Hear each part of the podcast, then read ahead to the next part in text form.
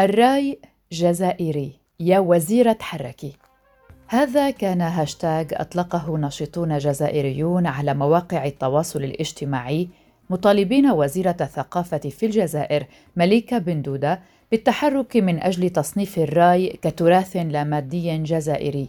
وردا على إعلان الوزيرة عن سحب ملف تصنيف فن الراي في منظمة اليونسكو وتوضيحها السبب بأن المنظمة سجلت عددا من التحفظات على ملف الجزائر وهو ما دفعها لسحبه. راني مظلوم.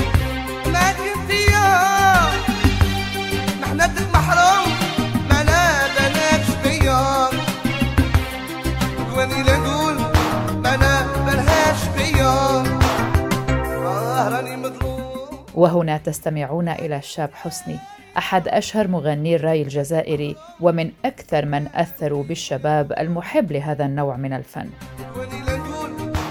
وتحت هاشتاغ الرأي جزائري وزيرة حركي إذا بدأ الوضع على مواقع التواصل أشبه بالصدمة في الجزائر من هذا التحفظ أو الرفض خاصة وأن نجوما جزائريين أوصلوا الرأي إلى العالمية. القصة بدأت بأن الجزائر كانت قد تقدمت رسميا في الثالث عشر من آذار مارس عام 2016 بطلب من منظمة اليونسكو لتصنيف فن الرأي كتراث غنائي وموسيقي جزائري محض من أجل الحفاظ عليه من الضياع وردا على بعض الدول التي تحاول نسب هذا اللون الغنائي إليها حسب ما أعلنته وزارة الثقافة الجزائرية آنذاك. ما هي أسباب سحب ملف تصنيف الرأي من اليونسكو؟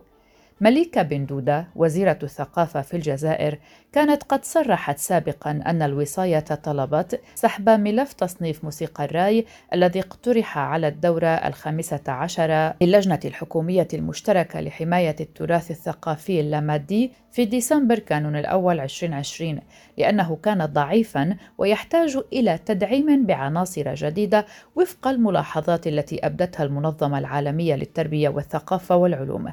وقالت بندودة لو لم نسحب الملف كان سيرفض لأنه ناقص وسنضطر للانتظار ثلاث سنوات أخرى لتقديمه لذا فضلنا سحبه باحترام. أما آخر تصريحات وزيرة الثقافة مليكة بن دودة في هذا الموضوع كان في الأسبوع الماضي حيث قالت الجزائر لن تتنازل عن تصنيف موسيقى الراي ضمن التراث العالمي اللامادي وأكدت أن الملف سيتم إعادة إيداعه قبل نهاية مارس آذار الجاري على مستوى منظمة اليونسكو بعد تدعيمه. وأوضحت الوزيرة أن الملف سيتم إيداعه باسم الجزائر باعتبارها مصدرا لهذا الطابع الفني منوهة إلى تمسكها بموضوع التصنيف ومطالبة اعتماد برامج ووضع ملفات في الجرائد والمجلات حول الرأي الجزائري ليظهر بأنه جزء من تاريخنا وثقافتنا أي للجزائريين. وأفادت وزارة الثقافة الجزائرية أن لجنة من الخبراء والباحثين من المركز الوطني للبحوث فيما قبل التاريخ والأنثروبولوجيا والتاريخ إلى جانب جمعيات وشخصيات بارزة مهتمة بالبحث في التراث اللامادي تشتغل على تدعيم ملف تصنيف موسيقى الراي بعناصر جديدة بإشراك المجتمع المدني. أما تاريخ هذا الطبع الغنائي الرأي قديما فقد حدد الباحثون تاريخ نشأته في زمن التدخل الإسباني في الجزائر أي في القرن الثامن عشر. لكن كيف يعرف أبناء الرأي وأبناء الجزائر حصرا من وجهة نظرهم هذا الفن؟ سنبدأ مع هشام من ولاية وهران الجزائرية وهو مغن وهاو لفن الرأي سيشاركنا بالتعريف عن هذا الفن. أغنية الرأي هي مستنسخة. بعد نهار وين آه، كان السبب فيها عديد من الفنانين منهم بوطيبة صغير آه، حتى وين وصلت وين خالد. الشاب خالد وصلها للعالمية طورها كما نقولوا إحنا آه، راح بها بعيد. أغنية الراوية هي أغنية تعبر عن حال الشارع عن حال المجتمع. تمدي ميساج تعطي رسائل للشباب وتعبر عن هموم الشباب تعبر عن بزاف كما نقولوا إحنا صوالح واقعين في المجتمع تاعنا هذه هي أغنية الرأي. جواد حدادي شاب مغربي يملك أرشيفا لأغاني وألبومات الرأي أحب أن يشاركنا معلوماته عن الرأي أيضا. وأصل كلمة الرأي ما حذف الهمزة من الألف وأصبح الرأي والرأي يعني هذا رأيك وما رأيكم يعني الرأي؟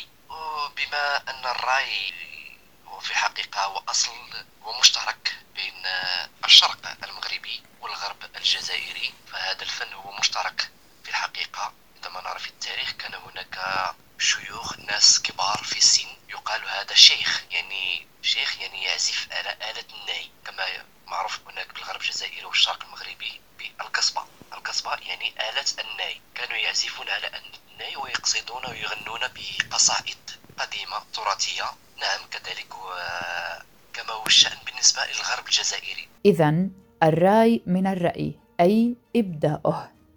إدريس بوسكين كاتب جزائري وصحفي لدى وكالة الأنباء الجزائرية أيضا سيشارك في تعريف فن الرأي. من المعروف عالميا أن الرأي هو فن شعبي جزائري محض ظهر وتطور بمنطقة الغرب الجزائري حيث يعود تاريخه إلى القرن الثامن عشر وربما أقدم من هذا بكثير حيث كان آنذاك يؤدى من خلال نصوص الشعر البدوي ومن طرف شيوخ وشيخات شعبيين وخصوصا في مدن داخلية كسيدي بالعباس وغليزان وسعيدة وغيرها. ليتطور بعدها ويأخذ شكله الفني كما هو معروف اليوم بمدينة مدينة وهران الساحلية لأنه مدينة وهران هي إن صح القول مدينة عالمية وتجذب الأجناس البشرية يعني من كل مكان حول العالم. إذا الرأي أصبح فنا عالميا انطلاقا من هذه المدينة وهذا منذ النصف الثاني من القرن العشرين. من خلال طبعا فنانين كبار اشتهروا عالميا كالشاب خالد والشاب مامي والشاب حسني ورشيد طه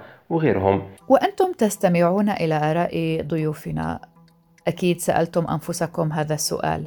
الرأي جزائري أم مغربي؟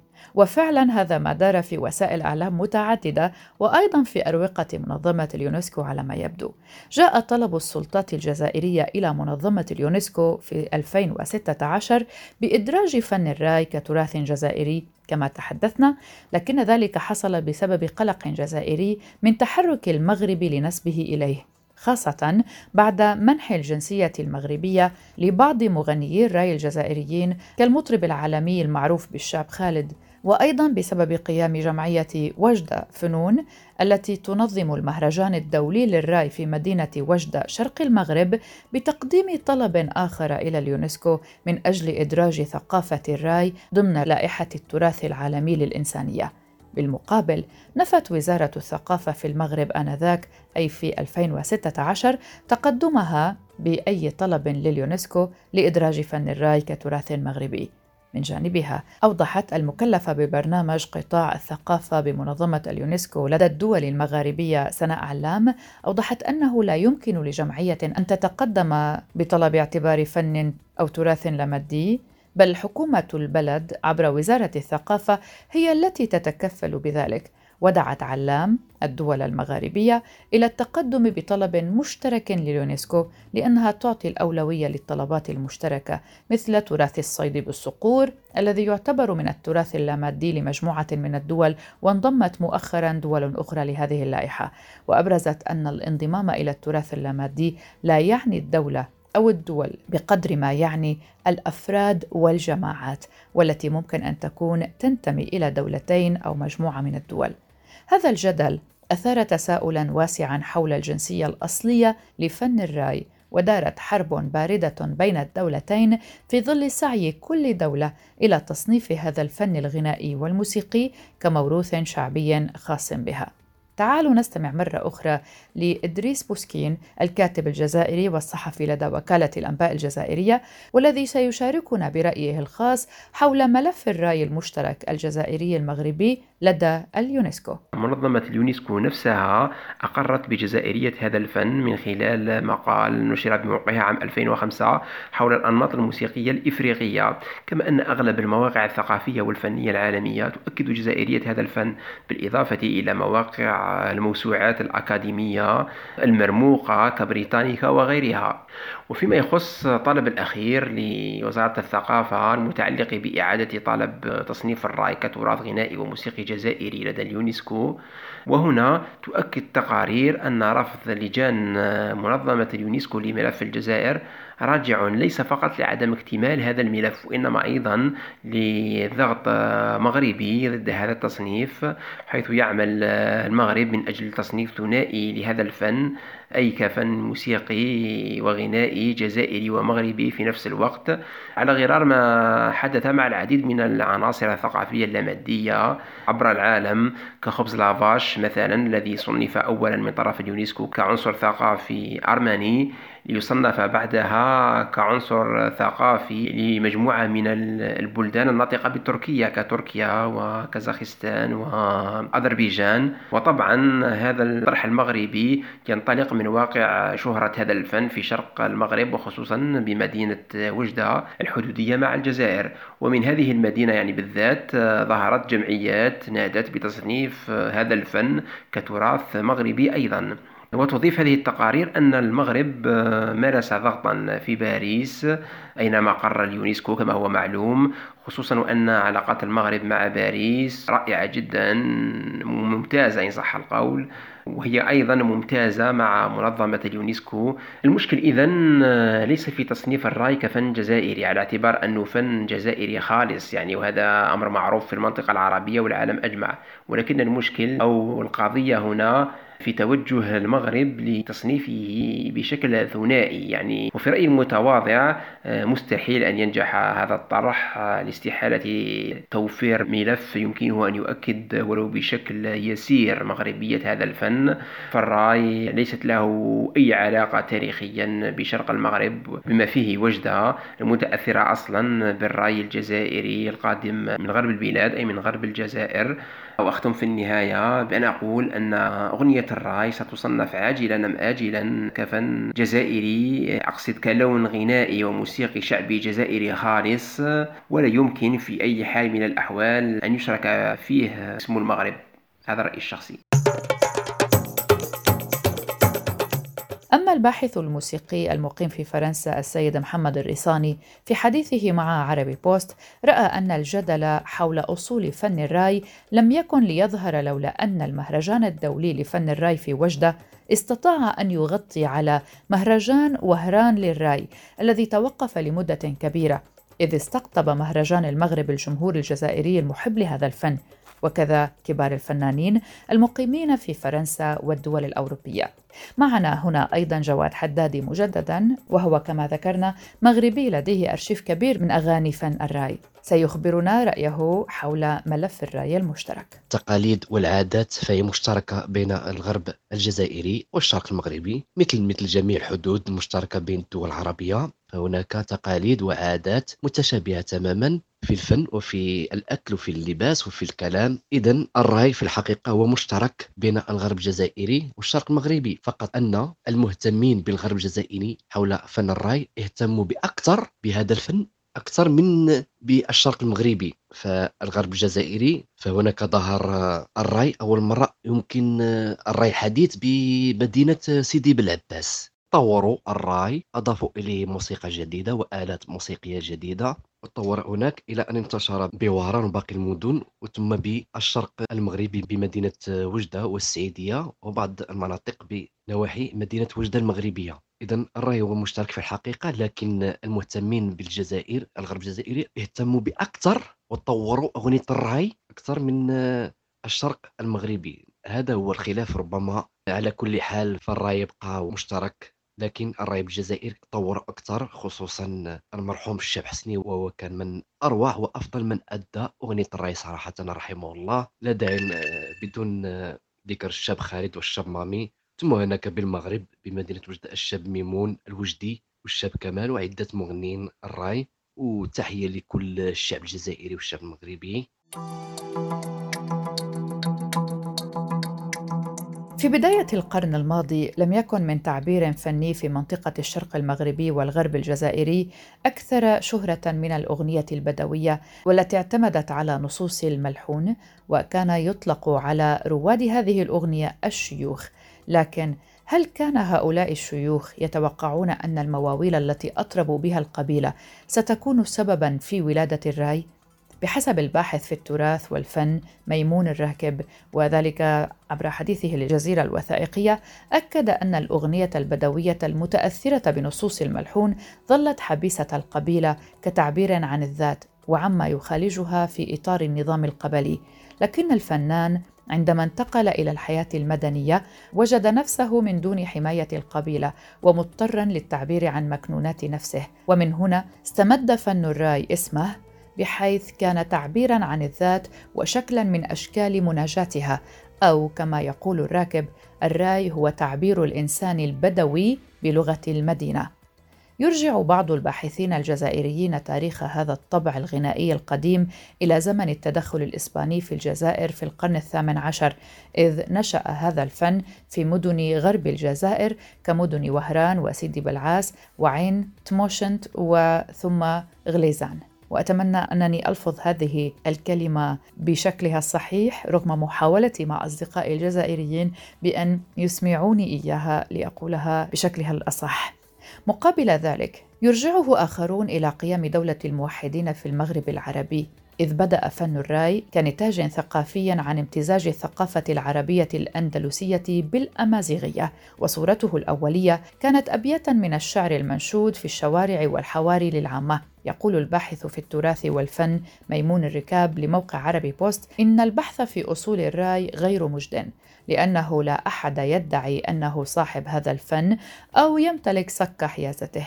وأوضح أن شرق المغرب تاريخيا لم يستقر على صورته النهائية إلا بعد معاهدة وقعها المغرب مع فرنسا سنة 1845 كان من أهم بنودها رسم الحدود بين المغرب والجزائر المحتلة آنذاك. ما يعني حسب الباحث نفسه أن الخريطة الثقافية التي ينتمي إليها شرق المغرب لا تنضبط للحدود السياسية. لهذا ينظر لشرق المغرب وغرب الجزائر على أنهما شكلا وحدة ثقافية منصهرة ومتجانسة روحيا وثقافيا وقبليا وفنيا.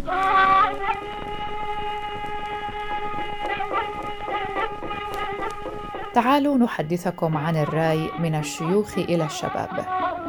جيل الأربعينيات يتذكر جيدا كلمات أغنية سعيدة بعيدة والماتشينا غالية. اي سعيده بعيده والقطار غال التي اداها جمله من شيوخ ذلك العصر والتي نستمع إلى مقطع منها الان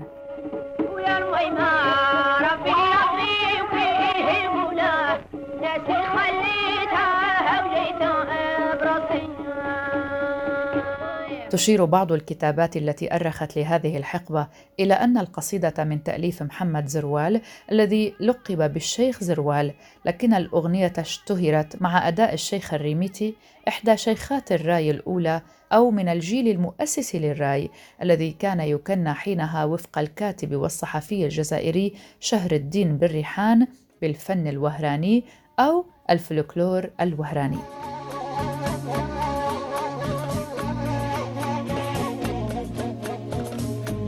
هنا تستمعون معي إلى الشيخ الرميتي.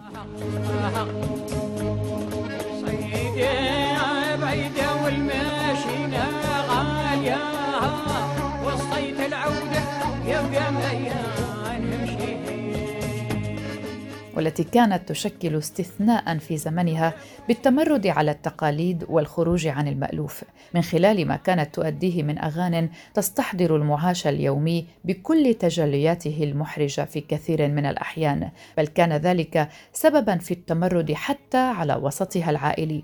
في فترة الستينيات برز اسم آخر هو بوتلجة بالقاسم وهو من الفنانين الذين شكلوا حلقة وصل بين الجيل الأول من رعيل الشيخ الريميتي والجيل الجديد الذي انطلق معه الرأي في ولادة جديدة مع بداية سبعينيات القرن الماضي عندما اتفق على أن التعبير الفني الجديد سيأخذ اسم الرأي. الرأي الذي نعرف اليوم أو الرأي العصري على حد تعبير الصحفي الجزائري بالرياح هو الرأي الذي كان لعدد من رواده أمثال الشاب خالد دور في انتشاره من خلال إدخال الآلات الموسيقية الإيقاعية كالطبلة والدرامز وغيرها من الآلات. وارتبطت الولادة الجديدة للراي بأسماء أخرى شكلت الجيل الأول ما بعد التجديد والانتقال من مرحلة الشيوخ إلى مرحلة الشباب ومنهم الشاب مامي الذي لقب بأمير الراي. أما في المغرب برزت أسماء عديدة في هذه الفترة لعل أبرزها ميمون الوجدي. ودائما كانت تقرن وجدة الواقعة على الحدود مع الجزائر في تلك الفترة باسم ميمون الوجدي الذي غنى لها الأغنية الشهيرة وجدة يا النوارة أي وجدة يا وردة.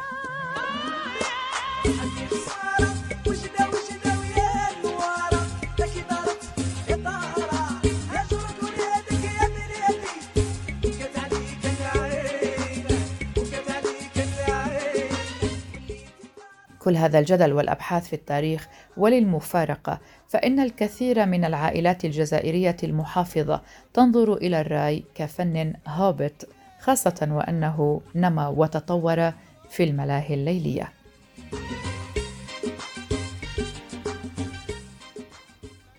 هذه كانت حلقة من بودكاست في عشرين دقيقة. كنت معكم براء صليبي.